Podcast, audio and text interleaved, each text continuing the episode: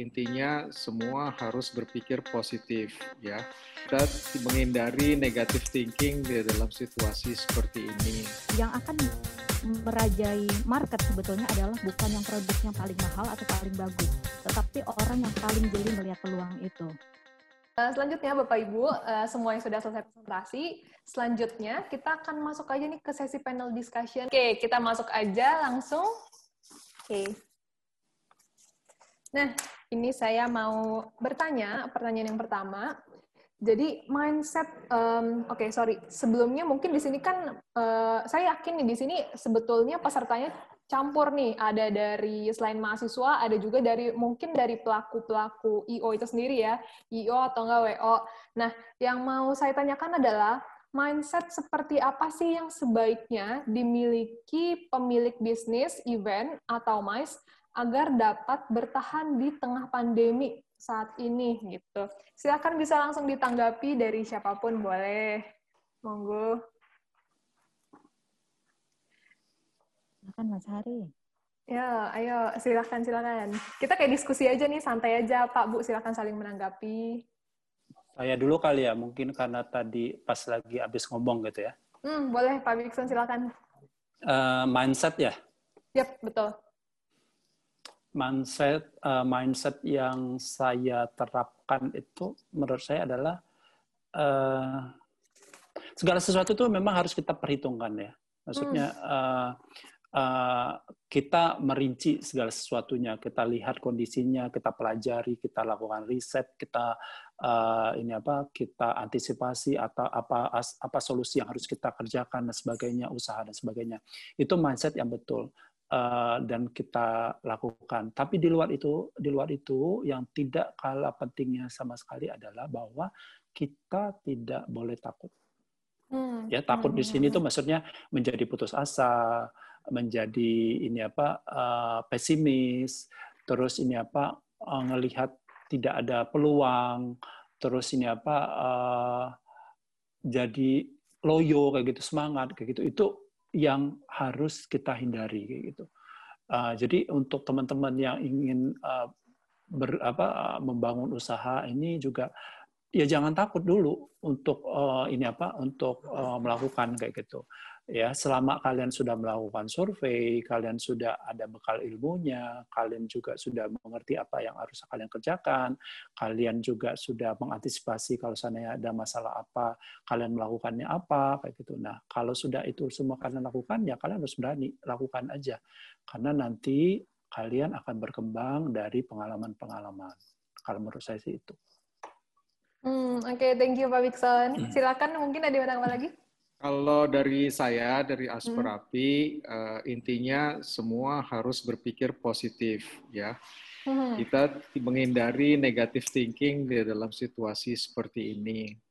Nah, uh, dari semua anggota yang kita punya itu, kita sebagai asosiasi selalu encourage untuk melakukan, uh, jangan berhenti berpikir, jangan berhenti berkreasi Nah, tanggung jawab hmm. dari Asperapi sebagai asosiasi memang kepada pihak pemerintahan.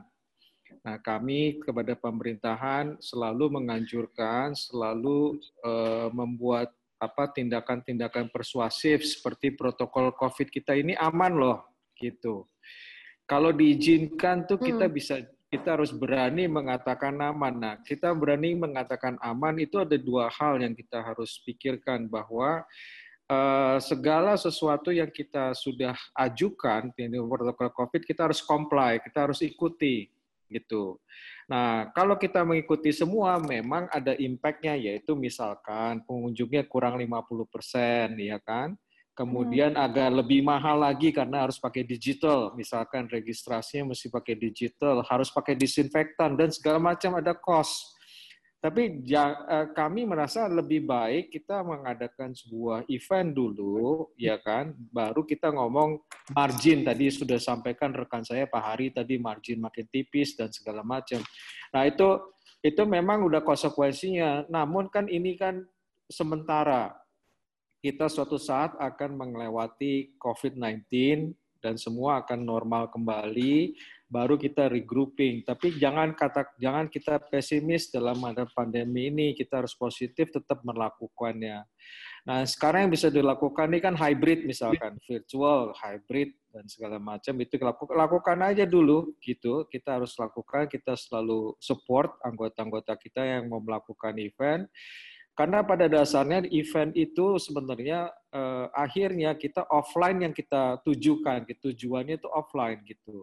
Nah, sekarang kita mesti pakai online dulu sementara ini, ya nggak apa-apa, gitu kan, untuk hmm. satisfy bahwa tidak terjadi terpaparan. Karena yang kita khawatirkan adalah terjadi klaster baru di setiap event misalkan itu juga kita mesti hindari. Jadi uh, dari kami uh, kita tetap harus positif. Kalau bisa dari kami tetap mengajukan perizinan kalau bisa eh, dari dari pemerintah daerah maupun dari kementerian sebenarnya juga support gitu sebenarnya support. Cuma masalah kesehatan ini memang penting sekali yang kita harus yang dikhawatirkan. Suatu saat kita bisa masuk jadi untuk para anggota tetap positif. Nah kiasat-kiasat yang kiasat-kiasat yang kita harus punya selama ini yang kita harus perhatikan gitu misalnya cost dan segala macam kekuatan kita selama pandemi ini sampai di mana itu aja dari saya gitu terima hmm. kasih hmm.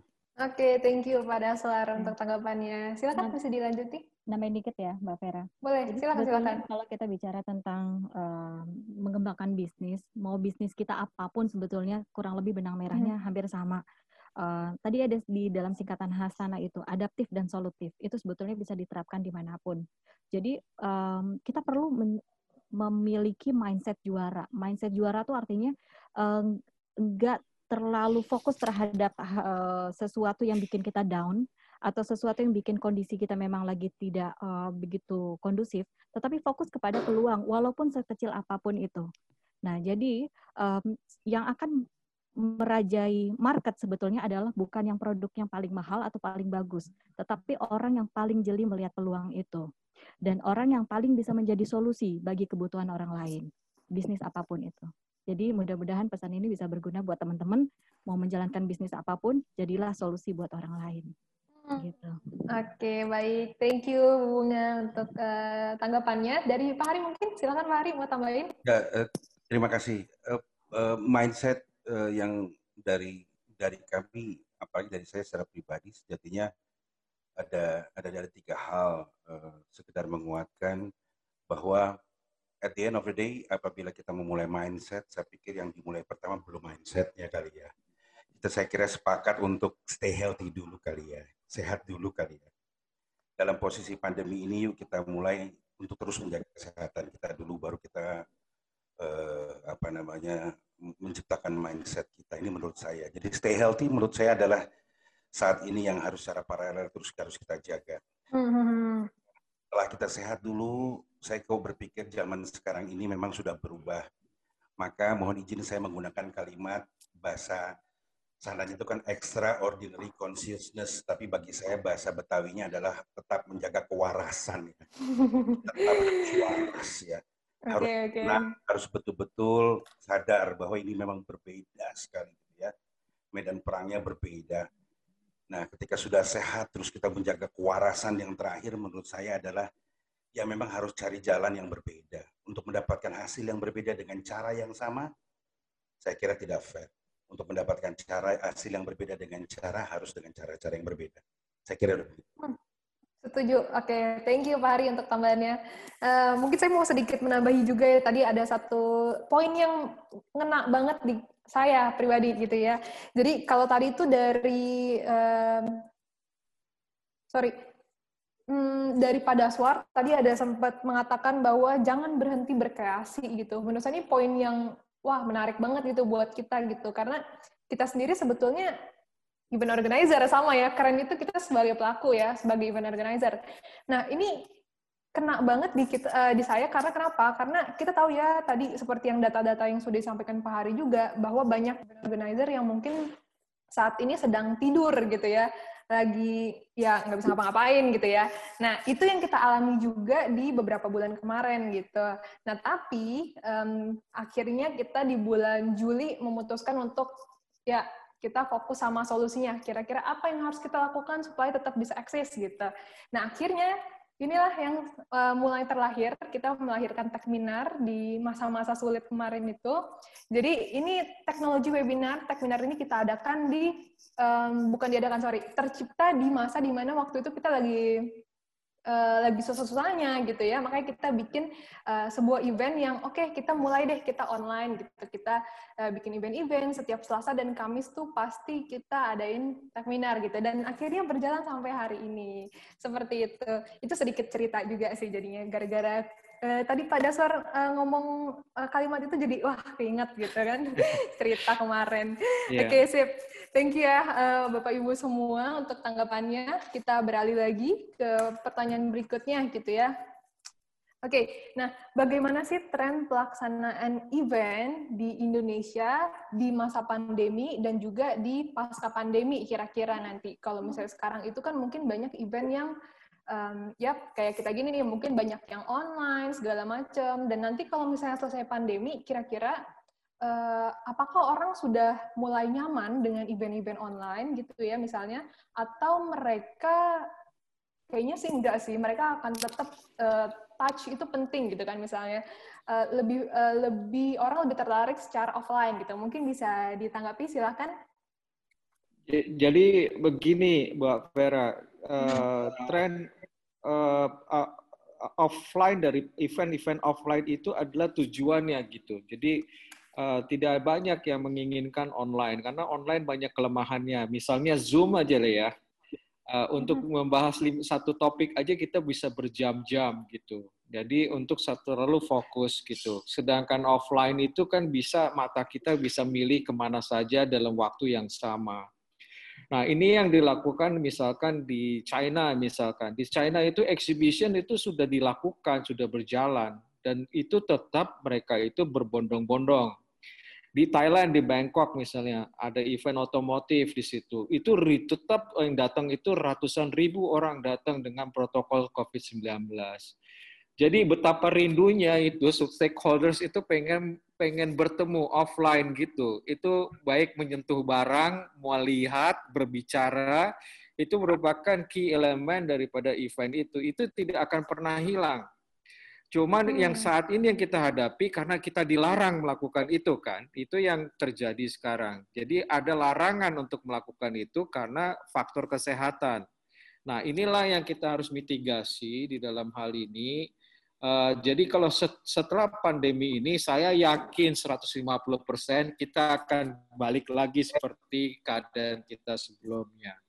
Yang sekarang kita harus cari kreasi di dalam saat ini yaitu event tetap jalan, tapi bagaimana supaya uh, tidak tidak terjadinya klaster baru atau terpaparnya makin banyak. Itu yang kita harus corporate dengan pemerintah supaya apa yang kita lakukan ini tidak menimbulkan masalah baru. Itu yang kita harus pikirkan gitu loh, Bu Pera. Dari saya itu aja. Hmm.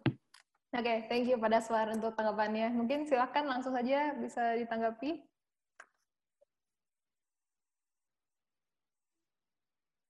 Sedikit nambahin aja, Mbak. Boleh, silakan silakan Bu. Iya, memang pada dasarnya manusia itu kan punya uh, kebutuhan untuk berinteraksi. Itu yang tidak akan bisa hilang, sama seperti kebutuhan untuk menikah. Tapi uh, kalau dilihat dari tren pernikahan, um, bisa dibilang pandemik ini, kalaupun sudah berlalu, uh, life will never be the same gitu loh. Jadi nggak akan 100% balik lagi seperti awal sebelum pandemi karena hmm. kita sudah mempunyai awareness mengenai uh, resiko-resiko tertentu kalau kita melakukan sesuatu bukan hanya dari sisi pelaku usaha tetapi dari masyarakatnya sendiri. Jadi um, uh, awareness itu ialah yang akan merubah uh, consumer behavior sebetulnya. Jadi um, itu yang perlu kita uh, coba uh, akomodir, adaptasi, dan kita harus menjadi solusi di situ. Jadi artinya kita nggak bisa mm, uh, memaksakan uh, industri itu akan balik normal seperti dulu. Kita sendiri pun harus terbiasa yang namanya perubahan itu adalah sebuah keniscayaan. Nah, um, apa namanya ke depannya tren-tren adaptasi antara offline dan offline itu tidak menutup, menutup kemungkinan akan bersinergi dan tren-tren lainnya pun akan lahir uh, mungkin tren yang belum tercetuskan sekarang akan akan muncul di kemudian hari. Nah itu yang perlu kita coba terus membuka mata, terus memperkaya hasanah kita sendiri. Gitu sih mbak. Hmm, Oke, okay. thank you Bu tanggapannya. Silakan dari Pak Hari atau Pak Bikson, apa ada tanggapan juga? Pak Bikson, monggo. Oh, saya Pak Hari ya, makasih Pak Hari. Kalau saya melihatnya ini apa masih akan ada trauma secara psikologis sepertinya ya. Uh, ini. Dan bukan berarti itu nanti offline-nya tidak bisa. Uh, uh, bukan berarti ini apa uh, offline-nya tidak bisa. Uh, prediksi saya sih akan menjadi offline, tapi akan lebih uh, hati-hati dalam pelaksanaannya, ya, dan uh, akan uh, me, uh, apa, uh, mengacu kepada uh, pelaksanaan selama uh, masa pandemi ini, tentunya dengan pengembangan-pengembangan ya. Uh, jadi uh, mm-hmm. ini apa uh, jumlah jumlah orang yang akan hadir nanti juga akan meningkat secara uh, uh, secara bertahap, tapi tidak yang signifikan seperti yang masa sebelum uh, pandemi.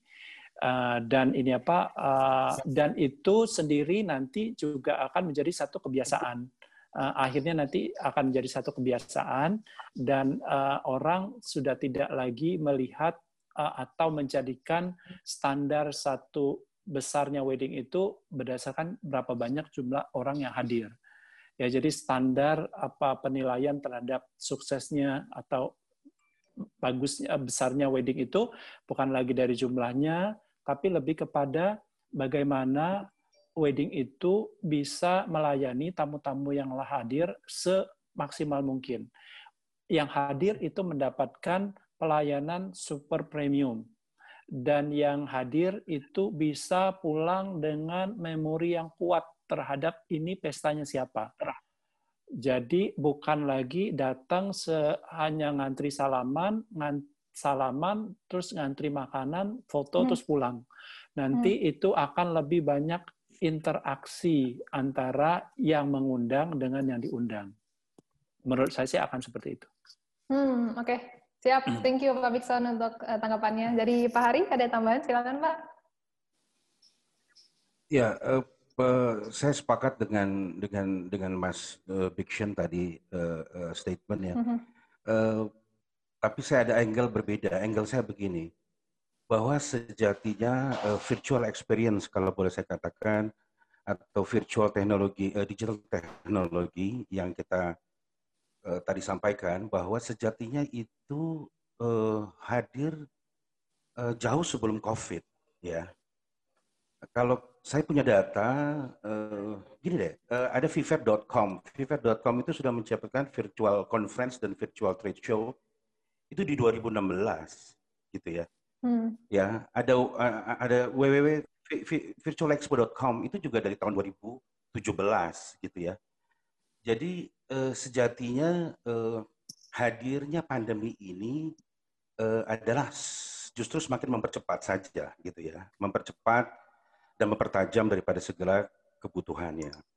Nah, eh, ya, yang yang kemudian menarik seperti yang Pak Bikson tadi sampaikan, akhirnya nanti melahirkan eh, mazhab-mazhab, melahirkan sebuah kantong-kantong pasar yang yang multiple, yang justru semakin menarik nanti, begitu ya.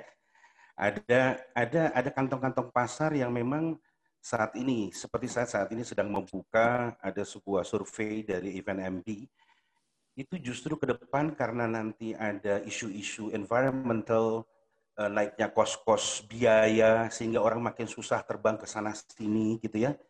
Makin akhirnya ada mazhab yang memang justru hybrid menjadi bagian daripada keseharian gitu ya.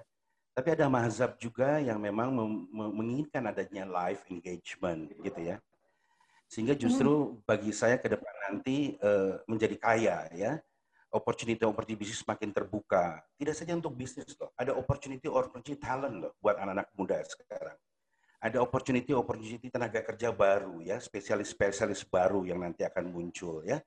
Para digital-digital eh, masters nanti yang akan akan muncul yang akan menjadi bagian yang tidak terpisahkan daripada yang tadi Mbak Bunga tadi sampaikan. Dunia udah totally different gitu ya. Begitu menurut saya.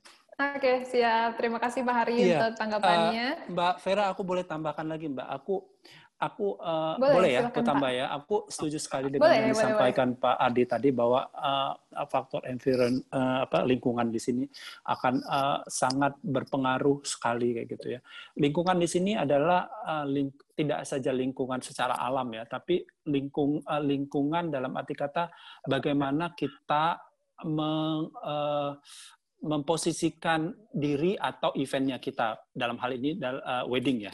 Dalam hal saya itu wedding nanti menurut hmm. saya orang akan lebih terbuka lagi pikirannya, orang tidak terkotak-kotak lagi dengan standarisasi yang sudah ada, standarisasi yang uh, melihat kemewahan itu hanya dilakukan di uh, apa venue-venue tertentu, hanya dilakukan dengan gaya-gaya uh, tertentu. Tidak, nanti orang akan melihat bahwa keberagaman itu adalah satu kemewahan ya.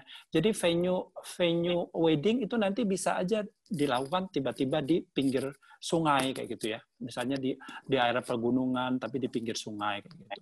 Tiba-tiba hmm. saja misalnya uh, satu pesta pernikahan itu tiba-tiba bisa dilakukan uh, di apa di kayak di daerah terpencil kayak gitu.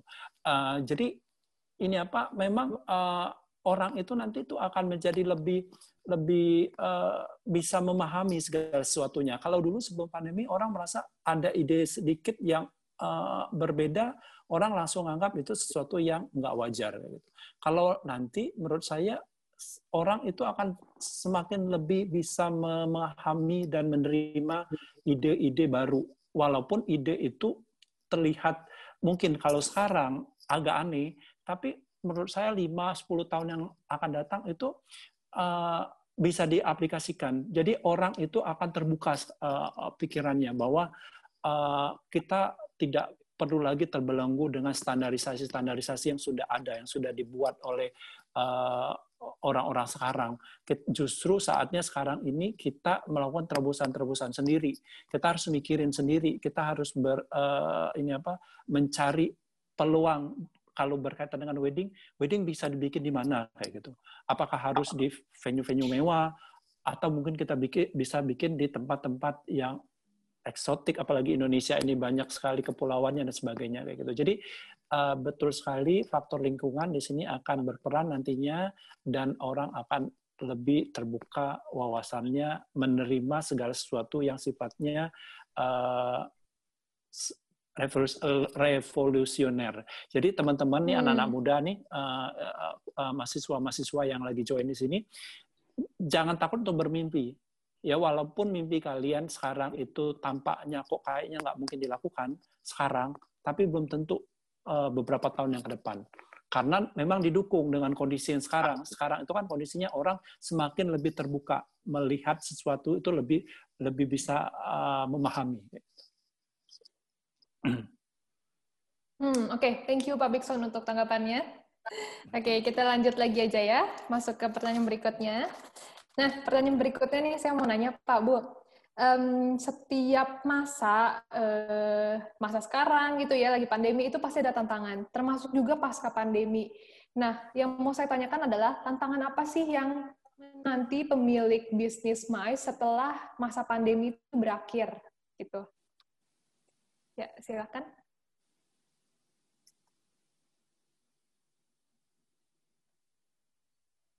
Dari silakan saya dulu dari, boleh, mohon izin. Dulu, boleh. boleh, silakan Pak. Ya. Dari kami tantangannya dari sekian banyak adalah untuk rebound adalah bagaimana kita kemudian punya modal. punya modal untuk bikin hmm. event ya nanti yang lain. Oke. Okay. Ini, ini survei ya, ini, ini ini ini sebuah survei. Jadi kita kemarin bantu GP untuk bikin survei. Bagaimana terus kemudian kita untuk bisa meneruskan pemulihan recovery nanti ya, eh, hampir 67,87 persen kita menginginkan adanya apa namanya uh, likuiditas ya, membantu likuiditas. Oleh karena itu asosiasi sedang melakukan apa namanya uh, permintaan ya, lobby ke pemerintah. Kita sedang pengen dua hal nih. Yang hmm. pertama adalah kalau bisa dapat bantuan dana murah ya. Dan yang paling penting dana murahnya itu jaminannya SPK. Alah, ya. Dan jaminannya SPK ketika menang tuh ya Terus yang kemudian kalau nanti ada LSP, LPS-nya ada kegiatan, kita pengen ini nih, apa namanya, kalau boleh ada DP, oh ya kan, ada ada DP. Ya karena itu suatu hal yang lumrah ya, ke, ke, likuiditas kita ya. Saya pikir uh, reboundnya di sana ya, tantangan kita nanti sama-sama. Itu yang dari dari kami. Mungkin Mbak Bunga, Mas Daswara, Mas Dixon punya uh, sisi lain. Terima kasih. Yeah. Boleh nambahkan dari uh, sisi industri pernikahan khususnya silakan silakan. Hmm. Jadi sebetulnya pandemi ini punya hikmah tersendiri terhadap industri pernikahan, khususnya wedding organizer. Pada saat dulu orang membutuhkan wedding organizer itu untuk uh, mengarrange acara yang di, dianggapnya uh, yang mewah aja deh, baru gue pakai WO. Atau acara yang melibatkan VIP banyak, baru mereka pakai WO.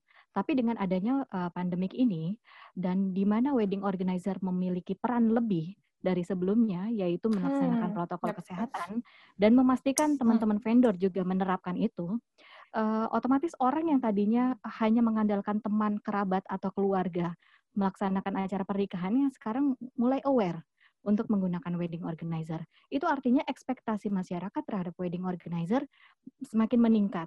Nah, hmm. itu yang menjadi tantangan kita ke depannya. Jadi artinya uh, kita harus bisa melaksanakan amanah itu dengan baik karena pada saat market mulai mempercayakan acara sakralnya terhadap uh, kepada kita uh, itu sesuatu yang nggak bisa uh, dianggap remeh karena um, itu momen sekali seumur hidup mereka itu sih. Jadi kalau dari Hastana sendiri tantangannya adalah mencoba yang tadinya menerapkan standar pelayanan uh, yang baik uh, apa namanya untuk wedding organizer sekarang kita harus menambah lagi nih amunisi kita, edukasi kita kepada teman-teman wedding organizer lainnya. Gitu Mbak Vera. Oke, okay, thank you Bu Bunga. Wah, menarik sekali. Betul ya, saya setuju juga sih dengan adanya sekarang, maksudnya pandemi, peran WO tuh lebih bertambah ya malah ya malah menjadi apa ya nilai lebih juga. Setuju setuju setuju. Kalau misalnya teman keluarga mungkin nggak sebegitu pahamnya banget gitu ya tentang gimana menjalankan wedding uh, di masa-masa sekarang ini gitu. Banyak protokolnya segala macam. Tapi kalau WO WO sendiri kan pasti punya apa ya ilmu tersendiri yang pastinya semua anggota-anggotanya perlu tahu gitu ya Oke, oke. Menarik. Sip. Uh, mungkin dari yang lain bisa menanggapi lagi. Silakan Pak yang mau menanggapi. Baik, saya hanya mau tambahkan saja tantangan setelah pandemi itu bukan hmm. tantangan lah. Saya rasa yang saya mau sampaikan teknologi sebuah keniscayaan. Eh, hmm. digitalisasi sebuah keniscayaan. Jadi hmm. Eh, kita yang tradisional event itu mungkin akan berkurang karena pertama setelah pandemi millennials itu kan yang sudah menjadi market terbesarnya. Jadi semua teknologi digitalisasi di event itu itu udah harus dipakai gitu, nggak bisa lagi kita menawar itu. Jadi semua dari registrasi, kemudian display, semualah uh, markomnya, uh, kemudian di salesnya, kitnya dan segala macam itu semua sudah berbentuk teknologi dan digitalisasi. Yang kedua adalah yang tadi uh, akibat karena terlalu banyaknya virtual, hybrid juga itu merupakan suatu keniscayaan gitu di ya, event setelah pandemi tidak hanya offline dan ini juga harus online. Tapi ini ada bagusnya juga supaya menambah sebuah menambah sebuah keramaian di sebuah event dengan Eh, penambahan daripada uh, virtual eventnya. Jadi ini ini yang uh, menurut saya agak agak rame kalau kita pikirkan setelah pandemi ini, gitu, Mbak Vera. Hmm, Oke, okay. thank you Pak Dasar untuk tanggapannya. Mungkin ada lagi dari Pak Biksan, mungkin silakan. Iya ya. Uh, ini kita bicara mengenai tantangan ke depannya kan. Nah, tantangan hmm. ke depan, oke, okay, kita ini rata-rata uh, rata -rata yang hadir di sini itu usianya berapa kalau saya boleh tahu? Rata-rata kan paling 30-an kayak gitu kan peserta-pesertanya hmm. ini kan ya. Uh, dan yang uh, uh, yang sering uh, ya uh, koreksi saya kalau saya salah kayak gitu. Yang sering ngikutin webinar-webinar terus hybrid, Zoom dan sebagainya itu kan rata-rata kan anak-anak muda kayak gitu kan. Yang generasi tuanya kan enggak. Tantangannya itu adalah di sana. Wedding itu, wedding itu adalah sarana untuk bersosialisasi kalangan-kalangan uh, ini apa kalangan-kalangan uh, uh, orang tua kita kayak gitu ya. Mereka tuh nggak ada mereka nggak main sosial media ya mereka nggak uh, nggak yang berkumpul berkumpul uh, maksudnya dalam uh, kerja dan sebagainya salah satu momen penting itu adalah pernikahan di mana itu momen hmm. mereka ingin bertemu dengan teman-teman temannya dia, relasi-relasinya dia, dengan orang yang pernah membantu hidupnya dia, dan sebagainya. Nah, jadi keinginan untuk membuat pesta dengan tamu yang banyak itu masih ada. Ya. Nah, mengapa saya anggap ini tantangan? Mengapa saya anggap tantangan? Sebenarnya ini apa? Karena kan kita, trennya nanti itu akan uh, bagaimana menghindari ini apa kontak fisik itu. Karena secara psikologis orang kan masih masih agak trauma tuh. Kalau misalnya ngelihat kerumunan uh, kerumunan itu kan orang juga secara psikologis nggak nyaman kayak gitu. Nah tapi di sisi lain kerinduan akan berkumpul orang-orang tua dan sebagainya uh, termasuk juga pengantin-pengantin dengan teman-temannya ya. Walaupun teman-temannya pengantin itu bisa lebih Eh, cepat beradaptasi dengan tren ini menurut saya. Tapi yang kalangan orang tuanya ini yang uh, yang harus kita perhatikan juga.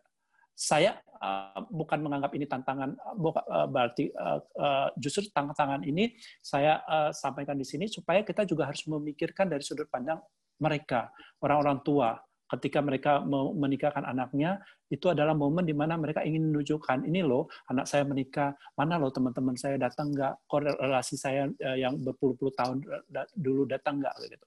Nah sekarang kan akan menjadi eh, kontra kontraproduktif dengan eh, adanya secara psikologis yang saya sampaikan tadi bahwa orang masih agak trauma dengan uh, kerumunan kayak gitu. Nah, justru di situ tantangannya. Hmm. Jadi bagaimana kita membuat oke, okay, dia akan mengundang 2000 orang. Bagaimana 2000 orang ini datang semua secara fisik tapi tidak membuat satu uh, kerumunan. Itu tantangannya ya pengaturan-pengaturan shiftingnya, terus bagaimana ini apa pengaturan-pengaturan arrangement-arrangement lainnya, di mana mereka makan nggak ngantri dan sebagainya. Di situlah tantangannya uh, sebagai ini apa sebagai uh, wedding organizer. Ya. Jadi kita harus melihat sesuatu itu realistis, jangan terlalu di atas kertas saja. Kalau kita lihat di atas kertas saja, itu kelihatannya tuh mudah kita melakukan edukasi, kita melakukan sosialisasi sebagai sebagainya. Tapi berdasarkan pengalaman saya yang sudah melakukan beberapa wedding di era pandemi, itu hal-hal hmm. yang sifat realistis itu yang tidak kalah penting harus kita perhatikan.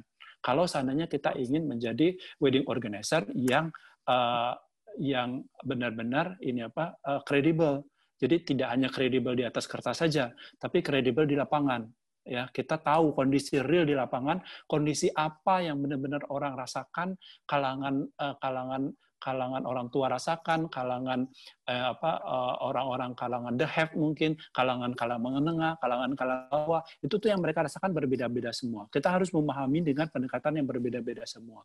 Jadi uh, di sini saya ingin menyampaikan kepada uh, diri saya sendiri juga dan juga teman-teman yang ingin berkecimpung di dunia wedding organizer bahwa kita harus membuka pikiran kita itu mengantisipasi segala sesuatu itu dengan sudut pandang yang besar dan harus melihat realistis di lapangannya. Itu sih yang saya ingin hmm. sampaikan. Oke, okay, thank you Pak Bikson untuk penyampaiannya. Nah, sedikit menambahkan juga tadi kebetulan pada suar lagi-lagi tiba-tiba saya teringat sesuatu gitu ya. Ngomongin tentang teknologi gitu ya. Nah, aku setuju banget sih. Saya, saya sendiri setuju banget tentang teknologi sendiri. Makanya kita sebetulnya di Keren, kita juga sedang mengembangkan sebuah platform. Platformnya itu nanti juga akan saya infoin ke teman-teman semua untuk download sertifikat akan seperti apa. Nah, platform ini itu gunanya adalah sebetulnya sebagai um, tempat ataupun uh, ya bisa dibilang tempat lah ya. Tempat apabila teman-teman mau beli eh, tiket-tiket webinar gitu ya.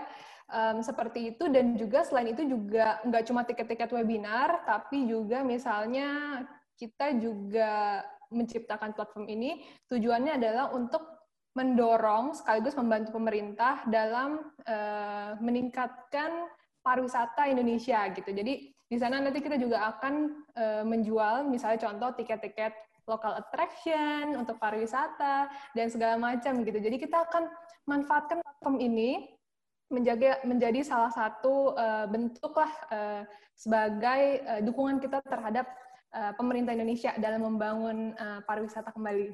Seperti itu kurang lebih ya. Nanti akan saya infokan seperti apa. Oke, okay, uh, kita masuk ke pertanyaan berikutnya. Uh, mungkin teman-teman yang nanti mau nanya dari sekarang boleh siap-siap untuk raise hand ya. Nanti kita akan pilih mungkin satu atau dua peserta untuk kita jawab pertanyaannya gitu ya. Nanti bisa nanya langsung. Sip, udah ada satu. Uh, saya lanjut dulu ke pertanyaan berikutnya ya. Oke, untuk pertanyaan berikutnya ini mungkin lebih mengarah ke Pak Daswar sendiri ya, gitu. Soalnya ini tentang asperapi juga gitu. Nah, um, dalam pandemi seperti ini ya Pak ya masa-masa pandemi seperti ini itu pemerintah nggak hanya diam sebetulnya kita tahu ya. Jadi pemerintah itu melakukan uh, tindakan-tindakan uh, juga cara-cara supaya uh, industri emas itu tetap bisa bangkit gitu di masa-masa seperti ini. Terbukti dari uh, salah satu program yang dilakukan oleh pemerintah yaitu sorry uh, yang dilakukan oleh Kemenparekraf dan PT Bistrip Teknologi Multimedia Solusi. Mereka itu bersama-sama mengadakan yang namanya ICTM Indonesian Corporate Travel and MICE gitu. Ini salah satu bentuk uh, supaya mais tetap bangkit gitu ya, bisa bangkit gitu ya. Nah, pertanyaan saya adalah bagaimana Asperapi sendiri memandang kebijakan pemerintah dalam penanggulangan uh, dampak pandemi terhadap industri mais sendiri. Misalnya dengan pengadaan ICTM ini dan uh, seberapa signifikan pengaruh kebijakan tersebut dan peningkatan apa yang perlu ditambahkan kira-kira Pak? Uh, saya rasa Eh, pemerintah kan sudah aware sekali ya, sudah sadar bahwa yang terdampak di industri ini kan ada adalah industri pariwisata. Jadi eh, pemerintah hmm. itu sudah melakukan segala cara untuk menolong industri pariwisata baik dari relaksasi pajak maupun daripada kemudahan-kemudahan yang lainnya.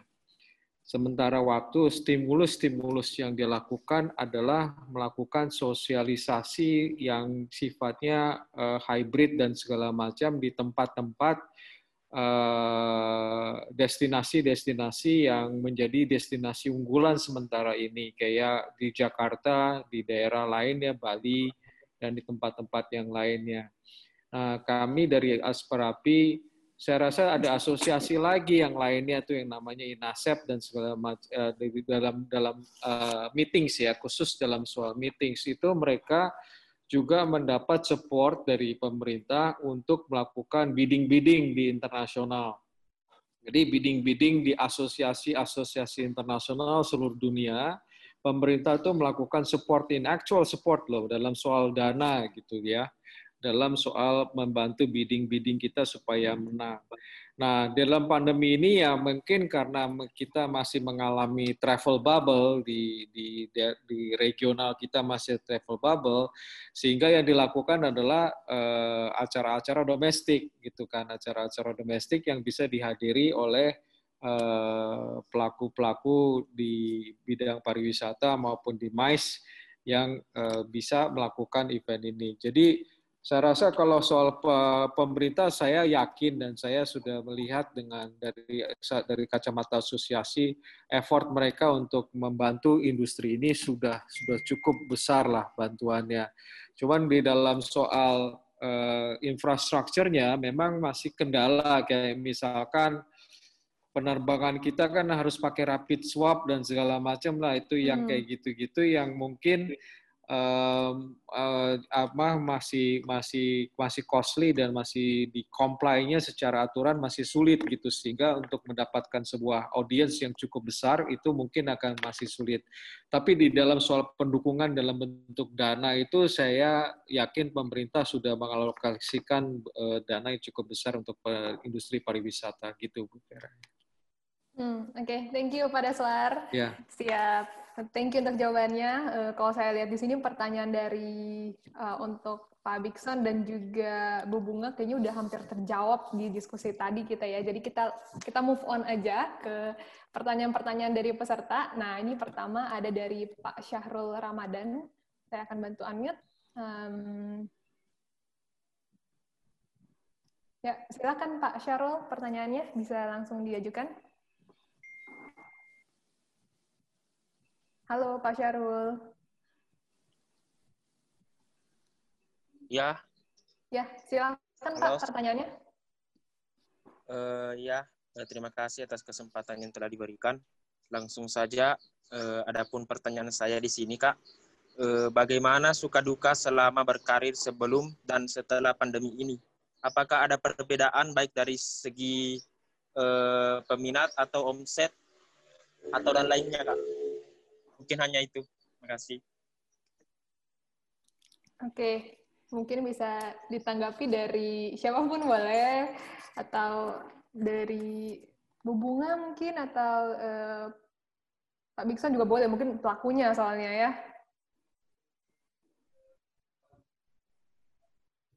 Silakan. Oh, masih ini sebentar sebentar. Siap. Ya, bisa di-unmute, silakan. Uh, Pak Sahrul ya?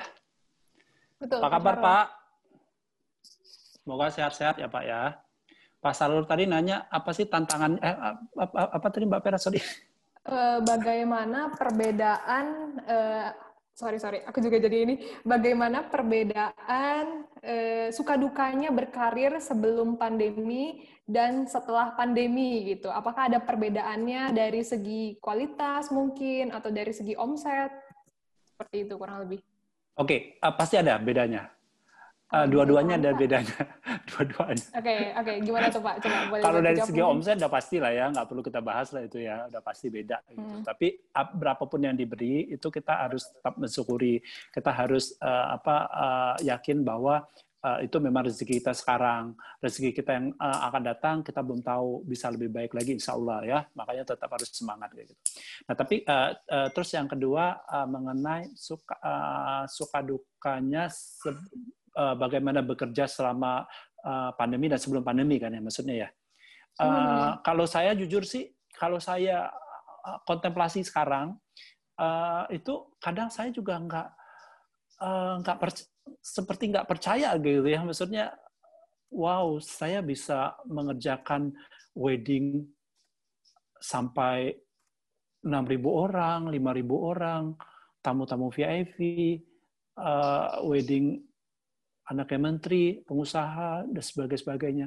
Kalau saya flashback itu saya juga kadang uh, takjub sendiri gitu ya. Takjub sendiri itu maksudnya bahwa uh, saya bukannya saya ria di sini, tapi saya lebih uh, memahami bahwa itu semua uh, terwujud itu karena uh, bu bukan semata-mata uh, kinerja saya sendiri, ya ada campur tangan uh, yang di atas di uh, di pekerjaan saya itu udah pasti.